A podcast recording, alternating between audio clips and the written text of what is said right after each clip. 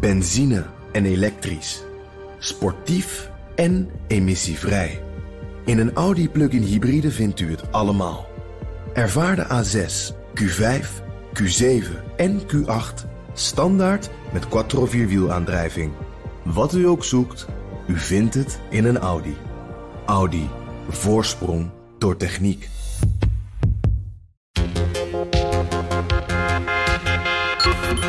Als je luistert naar wat beide partijen zegt, dan drukken ze zich uit in maximalistische termen.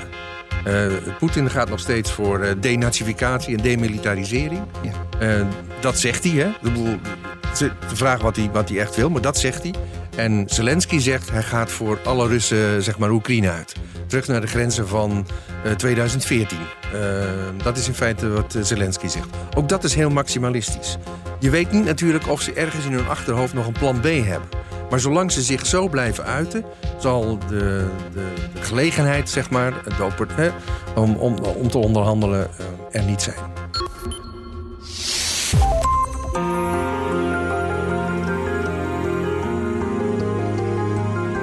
Je luistert naar De Stratege, een podcast van BNR in samenwerking met het Den Haag Centrum voor Strategische Studies. Mijn naam is Paul van Liemt. Russia made some big claims today saying to have killed up to 600 Ukrainian soldiers during a rocket strike in the city of Kramatorsk.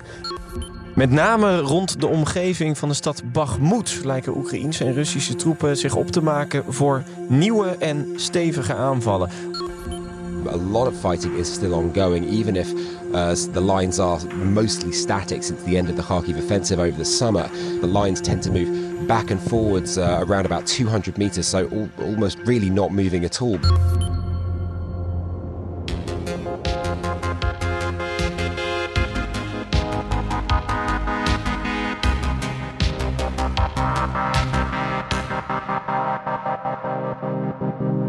In Oekraïne gaat dit jaar zijn tweede jaar in en het ziet er nog niet naar uit dat het einde in zicht is. De aanvallen gaan aan beide kanten door, maar het front zelf is op dit moment vrijwel tot stilstand gekomen. Maar Rusland wil doorgaan met het veroveren van Oekraïns gebied, terwijl Oekraïne niet wil rusten voordat het alle gebieden op de Russen heeft heroverd, inclusief de Donbass en de Krim. Gaat 2023 misschien toch het jaar worden waarin de oorlog wordt beslist? En kan Oekraïne die met hulp van het Westen daadwerkelijk winnen? En wat is daar dan voor nodig? Dat ga je horen in deze aflevering van de Stratege van mijn twee gasten. Peter Weininga, defensiespecialist van het Den Haag Centrum voor Strategische Studies. En Frans Ozinga, bijzonder hoogleraar oorlogsstudies aan de Universiteit Leiden en Commodore. Chaos in Brazil. As thousands stormed the country's capital protesting October's election results. Supporters of far right former President Jair Bolsonaro unwilling to accept his defeat to Luiz Inácio Lula da Silva, otherwise known as Lula. Ja, dat is bijna precies twee jaar na de bestorming van het Capitool werden we opnieuw opgeschrikt door zo'n bestorming, deze keer van enkele overheidsgebouwen in Brazilië. Hoe hebben jullie daarna gekeken, Peter, als je dit zag? Ja, ik, ik, uh, ik verwachtte eigenlijk al een beetje dat het die kant op zou gaan. omdat je de hele aanloop hè, met Lula, of eh, nee, Bolsonaro van tevoren al zei van ik, eh, ik vertrouwde je uitkomsten niet. Hè. Dat heeft hij voor de verkiezingen. Maar je verwacht het al. Had je al gebeld dan naar Brazilië of niet? Want, uh... Ja, natuurlijk. nee. Maar um, nee, ik had eigenlijk wel zoiets verwacht eigenlijk. Het is een beetje een Trumpistisch scenario. En uh, daar heeft Bolsonaro ook toch wel duidelijk op ingespeeld. Ja, dit zou eh, op zichzelf uh, zijn er meer mensen die denken het had wel gekund. Uh, daar had je natuurlijk ook weer helemaal op kunnen instellen. Dat is zo'n deel maar gebeurd. Maar je, er zijn mensen die zeggen dat zou ook in Nederland kunnen gebeuren. Gaat dat te ver, Frans, of is dat ook denkbaar? Nee, maar dat verklaart ook de waarschuwing van, geloof onze minister van Buitenlandse Zaken. Die zegt van luister, dit en ook onze premier heeft dat gezegd. Dit is duidelijk weer een aanval gewoon op het democratische bestel. Op gewoon de rechtsorde, de fundamenten van ook onze maatschappij. En voor sommige eh, politici, ook in Nederland, die uh, lijken daar soms op uit te zijn. Met name rond de omgeving van de stad Bakhmut lijken Oekraïense en Russische troepen zich op te maken voor nieuwe en stevige aanvallen. Oekraïne stuurt namelijk meer troepen die kant op. Ja, die oorlog gaat inderdaad nog flink door, maar wat zien we nu precies op dit moment, Peter? Een heftige strijd uh, rond uh, Bakhmut. Uh, en ook bij een uh, stadje daar noordoost van, um, uh, waar veel mijnen zijn. Um, ja, weet je, het is een beetje een prestigeslag geworden. met name omdat de Russen zoveel moeite kost om dat stadje te veroveren. En ze dat als springplank zien naar het nog in handen zijn van Oekraïne in handen zijn de deel van de Donetsk-provincie. Ehm, ja, en er, is, er, speelt ook een prestige kwestie met betrekking tot de Wagner-huurlingen van meneer ja. Eh, Prigozhin. Die heeft gezegd van hè, wij gaan dat varkentje wel even wassen. Daar schept hij ook voortdurend over op in Moskou. Uh, en het is er dus uh, aan hem alles aan gelegen, zeg maar, om, om dat uh, daadwerkelijk ook te realiseren. Ja, kun je er iets over zeggen over die Wagner-huurlingen? In, in hoeverre is de, die opschepperij gerechtvaardigd? Uh, die is uh, eigenlijk maar deels gerechtvaardigd, omdat het uh, voortdurend tegenvalt wat hij presteert. En dat is ook lastig. Um, als je ziet wat hij recruteert op dit moment, naast de mensen die ex-militair zijn en al langer bij hem in dienst, heeft hij heel veel Russische gevangenen gerecruiteerd. Die in ruil voor strafvermindering of strafkwijtschelding daar ja, eigenlijk als kanonnenvoer dienen. Hoe zit het met Oekraïne? Als het gaat over het uh, initiatief, dan hebben ze het weer wel, dan weer minder. Is, is Oekraïne nu op dit moment voor ons initiatief aan het verliezen? Nee, um, wat we nu zien, die stagnatie van de frontlijn, uh, was ook de verwachting eigenlijk nadat Gerson gevallen was. Toen besefte iedereen van de winter is een opkomst. Uh, de, de, de, window of opportunity om daadwerkelijk een groot offensief in te zetten is voorbij. We gaan een stagnatie tegemoet. En wat Oekraïne hier doet, rond Bakhmut, is eigenlijk het enige Russische offensief wat nog plaatsvindt. Proberen te stoppen. Zelensky zei dat vandaag ook, om daarmee tijd te kopen. Noord van dit gebied, bij Kremina, zie je dat Oekraïne wel met een offensief aan het voorbereiden is. Maar ook rond Gerson zie je nog steeds Harmars aanvallen, waarbij Oekraïne, ook, dat geldt ook bij Bakhmut, met artillerie en Harmars aanvallen en luchtaanvallen ver achter de front probeert de Russische capaciteit al uit te dunnen, zodanig dat uiteindelijk in het voorjaar en de zomer ze het offensief weer kunnen herwinnen.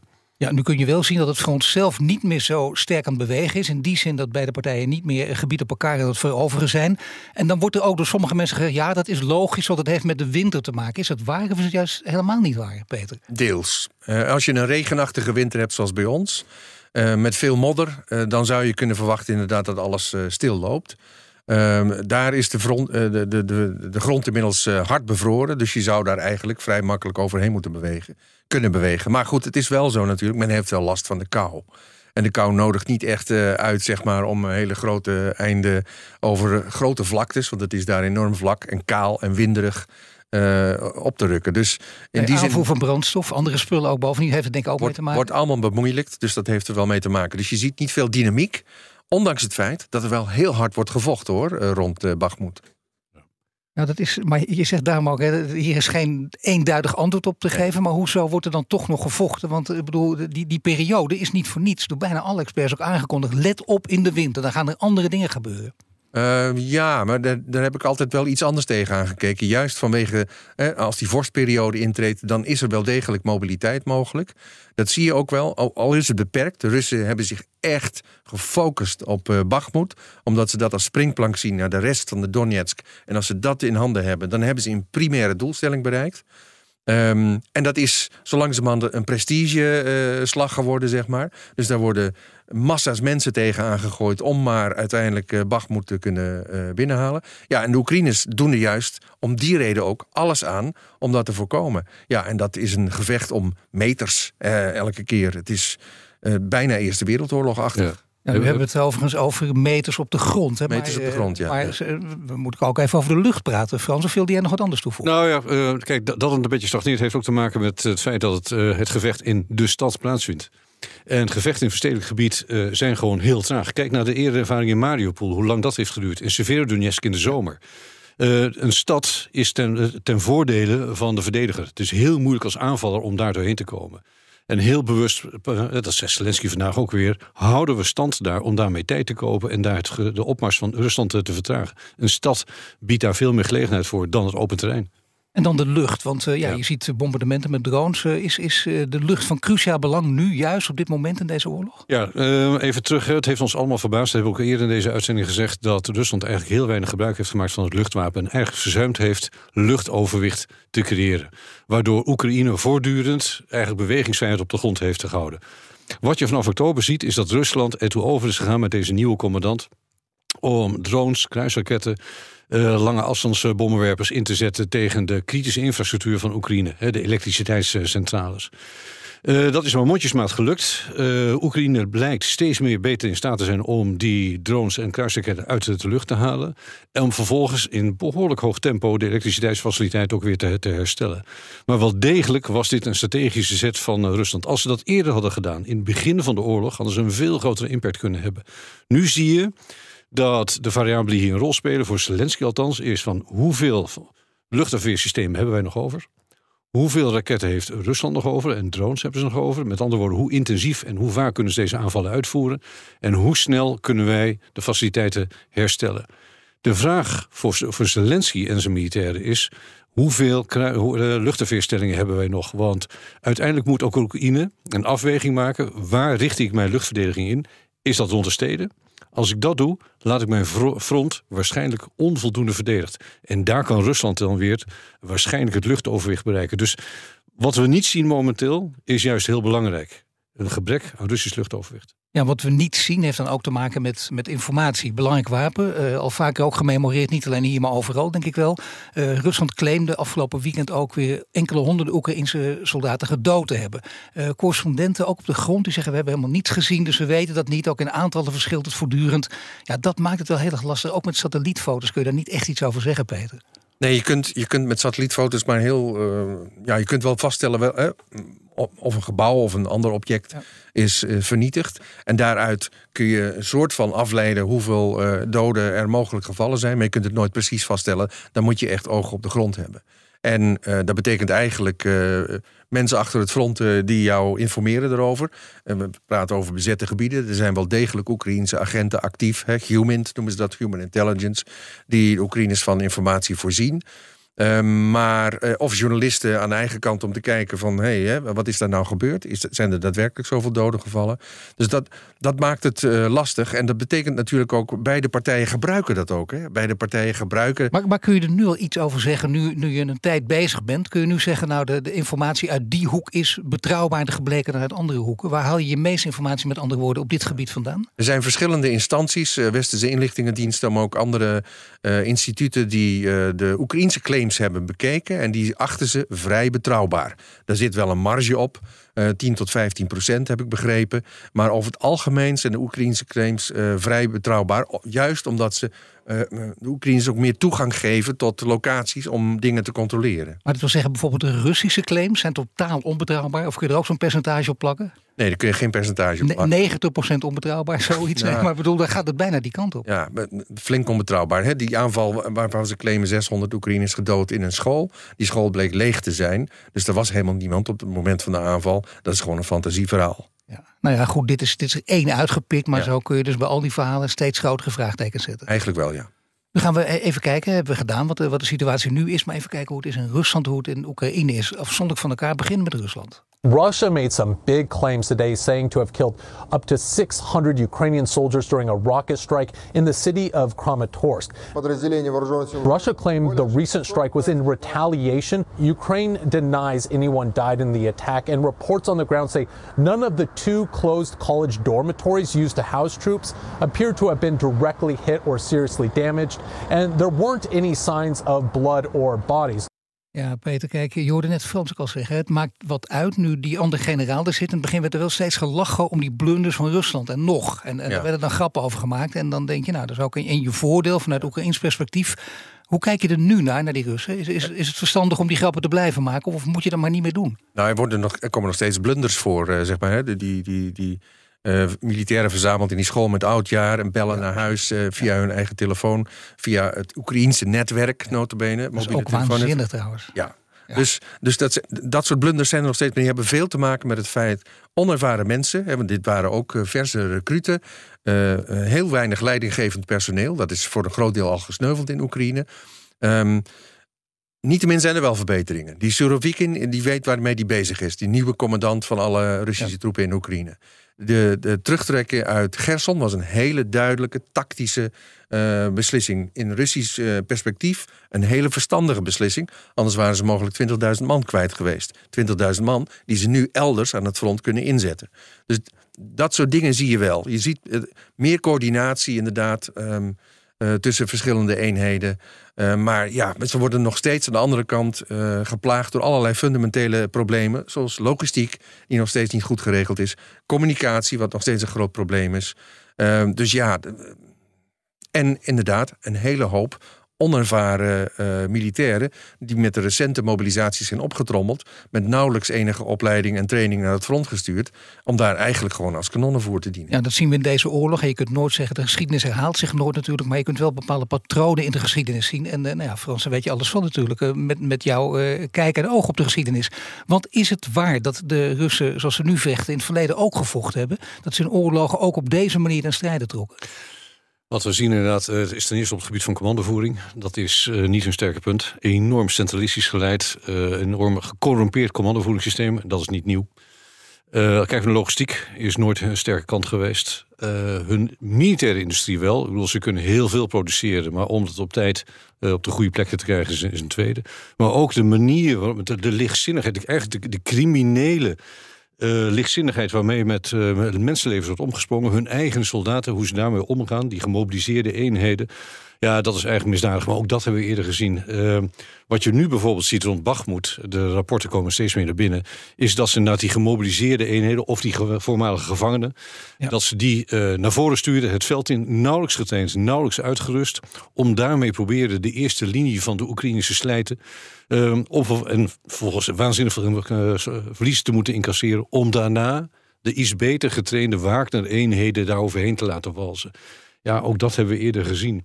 Maar gewoon... zodat Russen dus eigenlijk, als ik je mag onderbreken, vooral in die aantallen denken. Het kan ze niet schelen. Je, je hebt het eigenlijk niet over mensenlevens, maar je telt poppetjes en denkt, we hebben er toch genoeg. Exact. De industriële vorm van oorlogvoering hebben zij nooit verlaten. En uh, elders, volgens mij hebben we het hier ook nog een keer over gehad, maar dat was intussen weer de zomer. Eigenlijk wat we in deze oorlog zien, is de, het is een hernieuwde kennismaking met de Russische oorlogscultuur, die er eentje is van total warfare.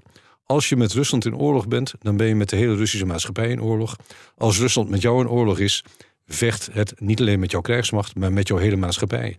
En dat betekent dus dat het onderscheid tussen burgers en militairen irrelevant is. Een mensenleven telt niet. En haalt de schouders op en zegt: Het is oorlog.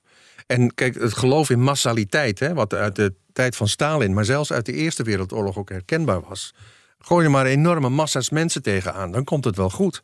Uh, dat is wat ze altijd hebben geloofd. Ik ben met opzet een boek van Max Hastings aan het lezen, Catastrophe, over 1914 en de maanden daarvoor. En je ziet precies hetzelfde patroon eigenlijk. Is het toch niet gek? Want ik bedoel, eh, ten tijde van die mobilisatie merkten we dat ook. Had Poetin het even moeilijk. En nu wordt er weer gesproken over een nieuwe mobilisatie. En dan denken de Russen ook, wacht eventjes. Nu komt het wel heel dichtbij. En inderdaad, je zag die moeders kijken, onze zonen allemaal zijn de pinuit. Dat willen we niet. Denk toch volharden ze in dezezelfde strategie, dezelfde tactiek. Uh, dat is een van de quotes uit dat boek, valt mij op, uit een, door een Russische soldaat in 1914. Die zegt, we worden door de tsaar uh, zeg maar bestolen. We worden door onze officieren als vuil behandeld. En toch, als, als when the bugle calls, hè, dus als de trompet uh, klinkt, zeg maar, dan staan we er. En dat is blijkbaar waar men nog steeds op rekent in Rusland. En dat is wel grappig, want dezelfde soort citaat hoor je nu uit, uit, uit de mond van een van die gerecruiteerde, gemobiliseerde jonge mannen. Die zegt van ja, luister, uh, dit is de staat waarin we leven. Het is niet goed, het is niet slecht, maar zo is het. En we dealen ermee en we accepteren het. Ja, ja maar die, mo die, die, moeders die, die komen in opstand en ja. die moet je ook niet tegen je. Nee, exact. Aan de andere kant zie je daar dat een van de officials in het Kremlin in zo'n gesprek met de moeder zegt: van ja, maar wacht eventjes, mevrouw. Uw zoon is niet van u uw zoon is van de staat. En dat is natuurlijk een mindset waar wij helemaal niet bij kunnen. Een probleem van Poetin is wel met die mobilisatie uh, dat hij hier niet, meer, niet weg meer kan komen met het, het, het, label speciale militaire operatie. Tot nu toe was de bevolking, 60, 70 procent van de bevolking, was niet per se voor de oorlog, maar accepteerde het wel zolang Poetin hen maar met rust zou laten. Met de mobilisatie is dat akkoord weg natuurlijk. Uh, dus de hele maatschappij gaat nu merken dat hier een oorlog aan de gang is. Uh, dus daar beginnen wel een bepaalde dynamiek te ontketend te worden. Je ziet ook met de eerste mobilisatieslag van 300.000 man... dat er ook nog eens 300.000, 400.000 man het land uit zijn gevlucht. Een brain drain. Onder meer naar Tajikistan, Kazachstan en dergelijke. En de verwachting is dat ook met deze nieuwe mobilisatieslag... dat we een dergelijke brain drain gaan zien. Dus de maatschappij gaat wel degelijk dat gevoelen... want er zijn mensen die ook gewoon de banen normaal in de burgermaatschappij vervullen, die dus leeg blijven. Maar die geruchten dus over die nieuwe mobilisatie kunnen we beter heel serieus nemen. Dus ook uh, ervan uitgaande dat de Russen dat weten te organiseren. Dat ze dat voor elkaar kunnen krijgen. Nou, dat, dat, dat is een volgende. Een mobilisatie. Dat is maar de vraag. Ja, uh, je kunt mensen oproepen of ze komen is een tweede. Maar bovendien wil je eenheden en mensen trainen, dan heb je een kader nodig. Je hebt een organisatie nodig, je hebt uniform nodig, wapens nodig. Al met de eerste mobilisatie is gebleken dat dat echt wel een probleem opleverde. Dat de, de Russische krijgsmacht daar niet op voorzien was. Bovendien bleek daar plotseling de corruptie naar voren te komen. 202,7 miljoen uniformen waren plotseling zoek. Geld was wel betaald, maar geen uniform te zien. Uh, en vervolgens heb je een kader nodig en eenheden waar je de mensen in kunt onderbrengen. Nou, het, het van Rusland bestond eruit dat je uiteindelijk mensen een basistraining zou geven en vervolgens breng je ze naar de gevechtseenheden. Daar zouden ze verder worden opgeleid. Die gevechtseenheden, dat waren de eerste 150.000 man die deze oorlog in werden gestuurd, die zijn weg, die zijn dood. De getrainde mensen, de geoefende mensen, die zijn dood. Dus je stuurt eigenlijk ongeoefende, gemobiliseerde eenheden, nauwelijks uitgerust, nauwelijks getraind, naar gevechtseenheden die nog maar net in het veld zitten en ook niet de vereiste training hebben. Nou ja, en dan heb je ook natuurlijk de verhalen, die worden ook aan elkaar doorverteld in Rusland over die eerste mobilisatie. Dus je weet al van deel, dat weet de bevolking wel dan. Van deel wat daar gebeurd is. Zet dat nog extra kwaad bloed? Wordt dat nog lastiger dus om deze mobilisatie door te voeren? Ja, ik denk dat het lastiger wordt, maar dat is, heeft met organisatie te maken, niet zozeer met de bevolking. Ik denk, in het Westen zitten we een beetje in wensdenken. We hopen dat in Rusland zelf de boel gaat eh, kantelen. Maar ik denk dat we daar buiten de waard rekenen. Ik denk uh, dat we daar niet al te veel uh, zeg maar op moeten rekenen dat in Rusland de boel gaat kantelen. Dat verwacht ik niet. Nee, terwijl er in zekere zin heel veel argumenten voor zijn. Die probeer ze ook allemaal één voor op tafel te leggen. Maar dat is dan te veel, denk je ook, dat is vanuit het westers perspectief. Dat is vanuit het westers perspectief. Ik denk niet dat je daarop moet rekenen. Je ziet bovendien dat Rusland steeds meer gebruik maakt van trainingsfaciliteiten in Belarus. Er is voortdurend sprake van meer troepen naar Belarus. Die worden daar goed getraind.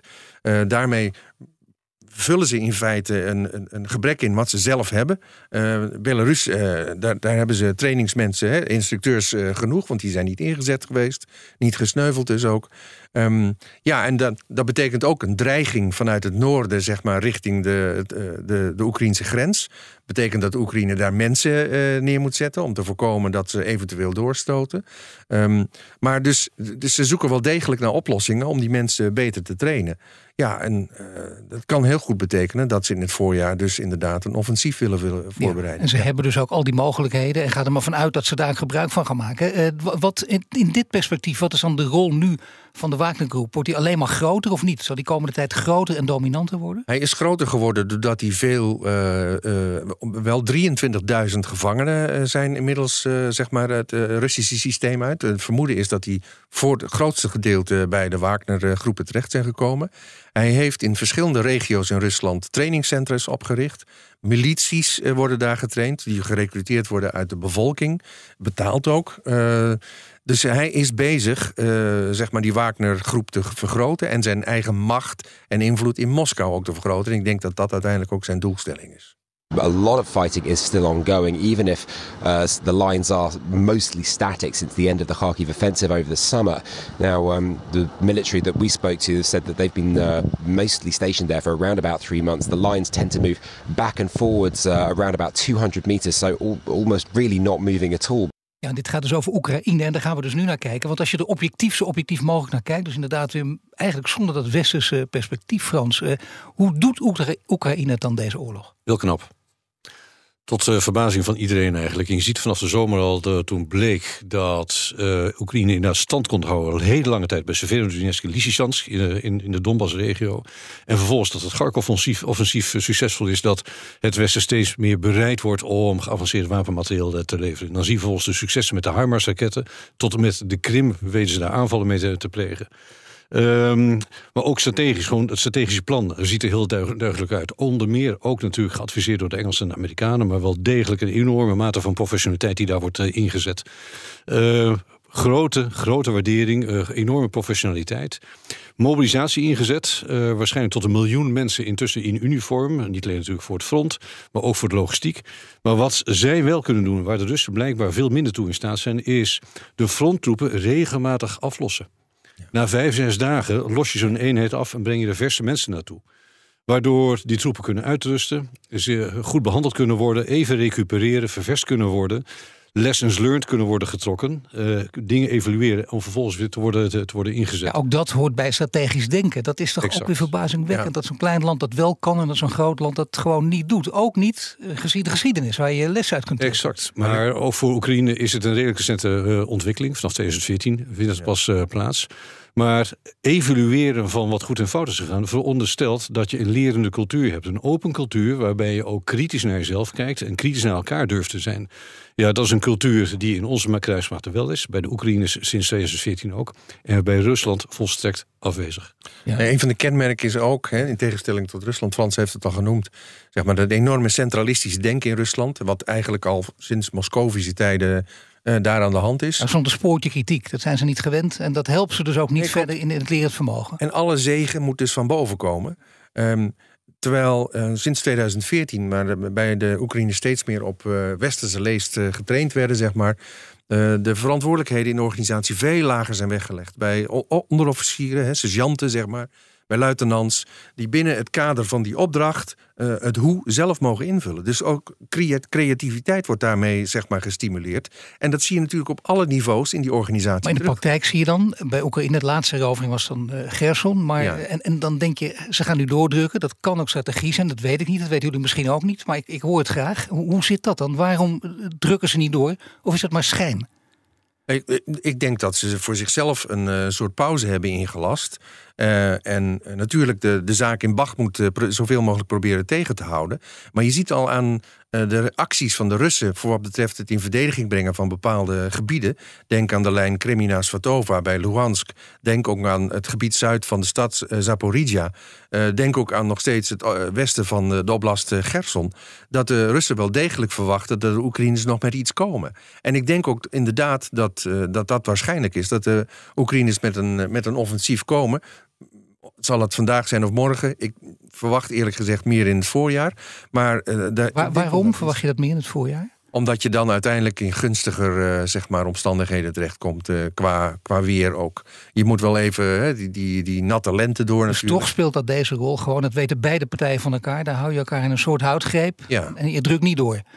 Nee, ik denk dat de Russen niet eens kunnen doordrukken op dit moment. En ik denk dat de Oekraïners misschien wel kunnen doordrukken, maar zich terughouden en zich voorbereiden op een andere ja. move. Oké, Frans, maar dan wel dankzij natuurlijk die westerse steun. Nou, en die moet dan ook doorgaan. En er moet ook eenheid over zijn binnen het Westen. En die is er niet. Kijk, Zelensky zei gisteren of vandaag nog van luister, wij, wij kopen hiermee tijd met het, het tegenhouden van het offensief bij Bachmoed. En die tijd hebben we nodig om het westerse materiaal naar binnen te krijgen.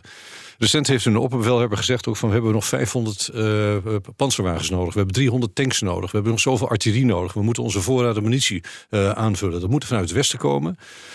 Een van de speerpunten in de strategie van Poetin is waarschijnlijk geweest de hoop dat het Westen zo stopt met de steun vanwege de inflatie en de energiekosten. Dat blijkt niet het geval. Integendeel, je ziet dat onder aanleiding van Biden, de Amerikaanse president, maar ook Stoltenberg, de secretaris-generaal van de NAVO, ehm, de Macron, en nu zelfs Scholz, dat het, het Westen echt verenigd is. Vandaag komt de Europese Unie en de NAVO bij elkaar. Hebben weer een akkoord eh, getekend dat ze verder gaan samenwerken. Dus die steun blijft echt uh, behoorlijk solide is fragiel als je kijkt naar wat in Amerika gebeurt met de Republikeinse Partij, natuurlijk. En ook verschillende landen staan er soms wat twijfelend in. Maar telkens maar zie je dat een politicus zijn nek uitsteekt. En bijvoorbeeld nu zegt eh, Macron, desnoods sturen wij Leclerc's naar die landen die bereid zijn om de Leopards aan, uh, aan Oekraïne te geven. Ja, nee, ik snap het zo. In, in samenhang dit verhaal. Dus jij, jij gaat ervan uit dat die, die westerse eensgezindheid er waarschijnlijk wel blijft. Met grote waarschijnlijkheid zelfs. Maar denk jij dat ook, Peter? Als je ziet wat er gebeurt, niet alleen in Amerika. Ik bedoel, democratieën uh, staan onder druk. Om de zoveel tijd, er is polarisatie, om de zoveel tijd verkiezingen. En dat weten de Russen ook. En die kunnen er handig gebruik van maken. Ja, ik denk ook dat ze daarop rekenen. Ik denk dat ze daarom juist proberen dit conflict te verlengen, zeg maar. Eh, om het westerse geduld, zowel politiek als publiek, op de proef te stellen. Uh, want ja, het Westen heeft last van, van de gevolgen van deze oorlog. Dat weten we allemaal. Um, ik, voorlopig lijkt het niet echt te lukken. Je ziet hier en daar wel wat bewegingjes. Hè, een, petitie uh, die ook door duizenden Nederlanders wordt ondertekend... om de beide partijen tot onderhandelingen te brengen. En dan denk ik, ja, wat denk je te bereiken met zo'n petitie? maar goed, dus er zijn wel bewegingjes die vinden dat er een eind aan die oorlog moet komen. Hoe dan ook, zou je bijna kunnen zeggen.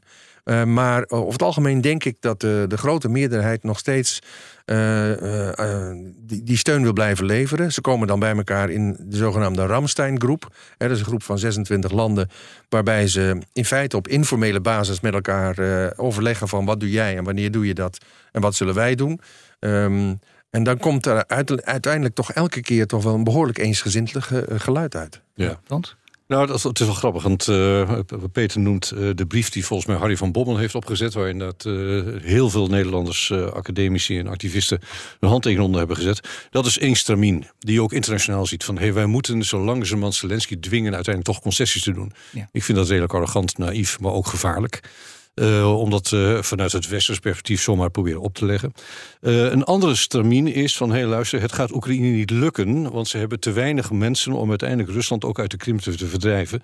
En misschien komt daaruit wel de impuls vandaan om toch uiteindelijk een keer concessies te doen. Een derde stramien in de argumentatielijnen van diverse, onder meer gecommuniceerd vorige week door Condoleezza Rice en Robert Gates, de voormalige minister van Defensie, zegt van luister, de tijd is aan Russische zijde, dus het Westen gaat door met militaire leveranties en wel heel snel zodat uh, Oekraïne heel snel deze oorlog dit jaar nog uh, kan beslechten. Ja, maar die petitieondertekenaars die hebben natuurlijk wel gedacht... wacht even, Oekraïne wil doorgaan tot de overwinning... tot het alle gebieden zijn heroverd, inclusief de Krim. Dat die weer Oekraïns zijn. Dus ja, dan kan het heel lang duren. En hoe realistisch is het al? Maar het is wel begrijpelijk. En hier is de soevereiniteit van een land gewoon geschonden.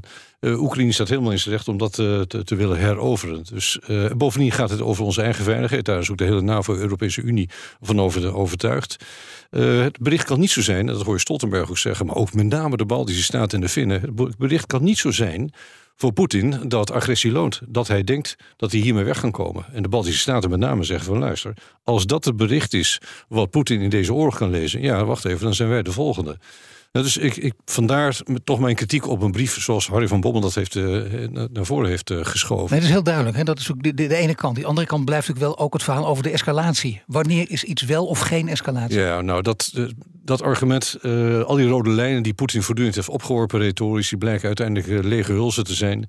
Ehm, escalatie, de nucleaire retoriek zie je ook al wat minder worden. Um, het is Rusland die aan het escaleren is.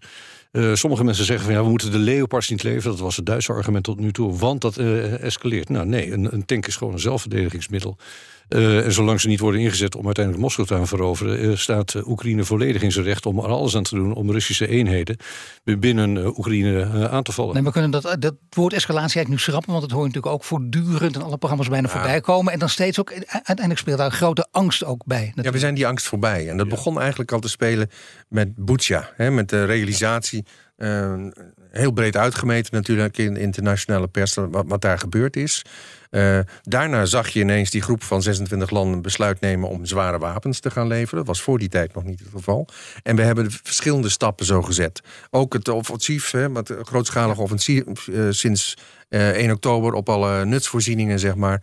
ook dat is zo'n stap geweest waardoor westerse landen hebben gezegd: en we gaan zwaardere middelen leveren. Dus we zijn de angst voor escalatie in feite voorbij. De nucleaire escalatie. Maar wacht even, we zijn, wie zijn dan? Wie het zijn Westen, we dan? Het Westen. Ja, en daar, daar is het Westen ook verenigd in, is jouw indruk? Ja, dat denk ik wel, ja. ja, ja. Ja, het enige zie je dat Macron soms zegt van ja, we moeten niet te onvriendelijk naar Poetin zijn. Nee, uh, dat vind ik lastig. Dan neemt hij dat woord vriendelijk ook inderdaad ja, over. Dat heeft hij gisteren, heel gisteren zelfs ja, gezegd. Is, ja, uh, in de zomer had hij het over een off-ramp hier, niet humiliating, dus niet vernederen. Daarvan Zelensky zei ook van luister, Bucha, Irpin, wat Peter ook zegt, ja. uh, oorlogsmisdaden, Mariupol platgeschoten. Mijn, mijn economie heeft wel 500 miljard schade geïncasseerd. Waarom maak je je zo'n zorgen over de geestestoestand van Poetin, als we dit zo zien? En een ander argument om dat escalatie aspect iets te, te minimaliseren is van luister, concessies betekenen voor Poetin gewoon dat hij een strategische pauze heeft, dat hij over een paar jaar gewoon deze oorlog kan hervatten. Ja, dat hebben we tot nu toe ook gezien. Dus weet je, het lastige is ook dat uh, zodra iemand als Macron of Henry Kissinger heeft ook zoiets gezegd, hè, um, dat openbaar uit, dan onderneem je eigenlijk Zelensky de onderhandelingsruimte. Omdat je opties in feite al wegschrapt voordat hij ze überhaupt op tafel heeft kunnen leggen. Nee, opvallend inderdaad dat Kissinger dat ook. Hè? De, Ja, eh, ja. Zeer oude leeftijd Ja. nog steeds en ermee bemoeid, maar wel met enorme geschiedenis. En, die heeft klopt. dat woord natuurlijk nog steeds. Maar die heel, heel geopolitiek denkend natuurlijk. Die denkt van, als je land moet afstaan in ruil van vrede, dan doe je dat toch?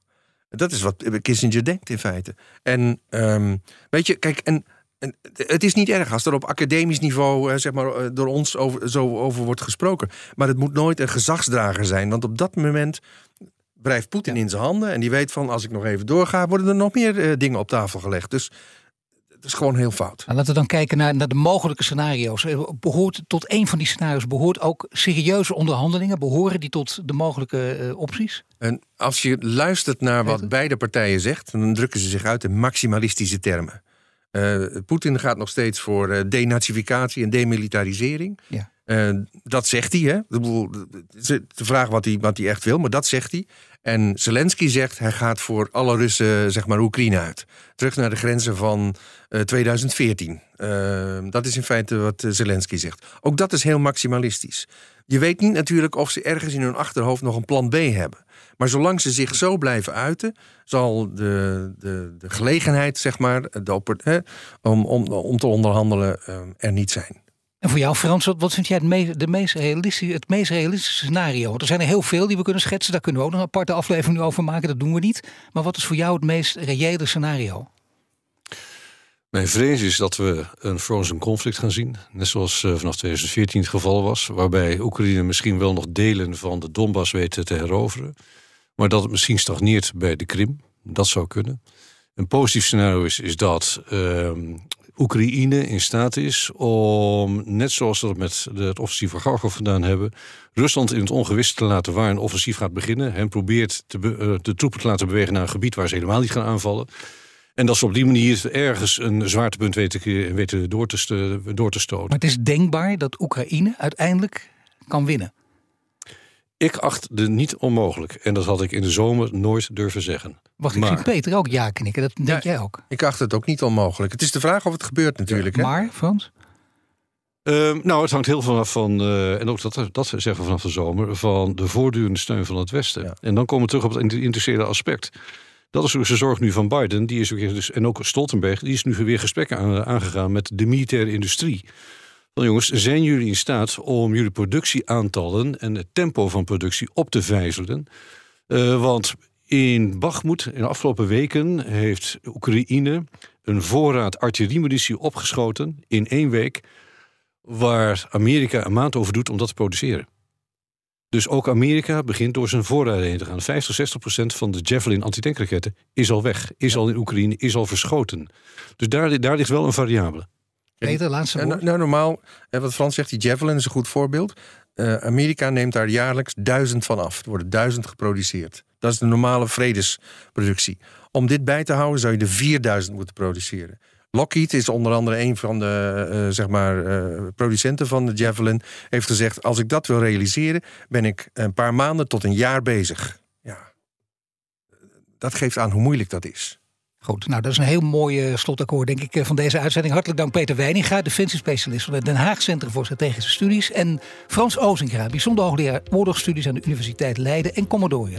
Wil je meer afleveringen van de Stratege terugluisteren? Je vindt hem op Apple Podcasts en Spotify, maar ook in de BNR-app of op bnr.nl.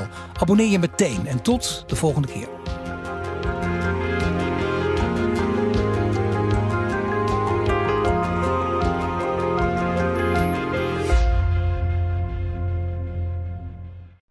Benzine en elektrisch. Sportief en emissievrij. In een Audi plug-in hybride vindt u het allemaal. Ervaar de A6, Q5, Q7 en Q8 standaard met quattro vierwielaandrijving. Wat u ook zoekt, u vindt het in een Audi. Audi. Voorsprong door techniek.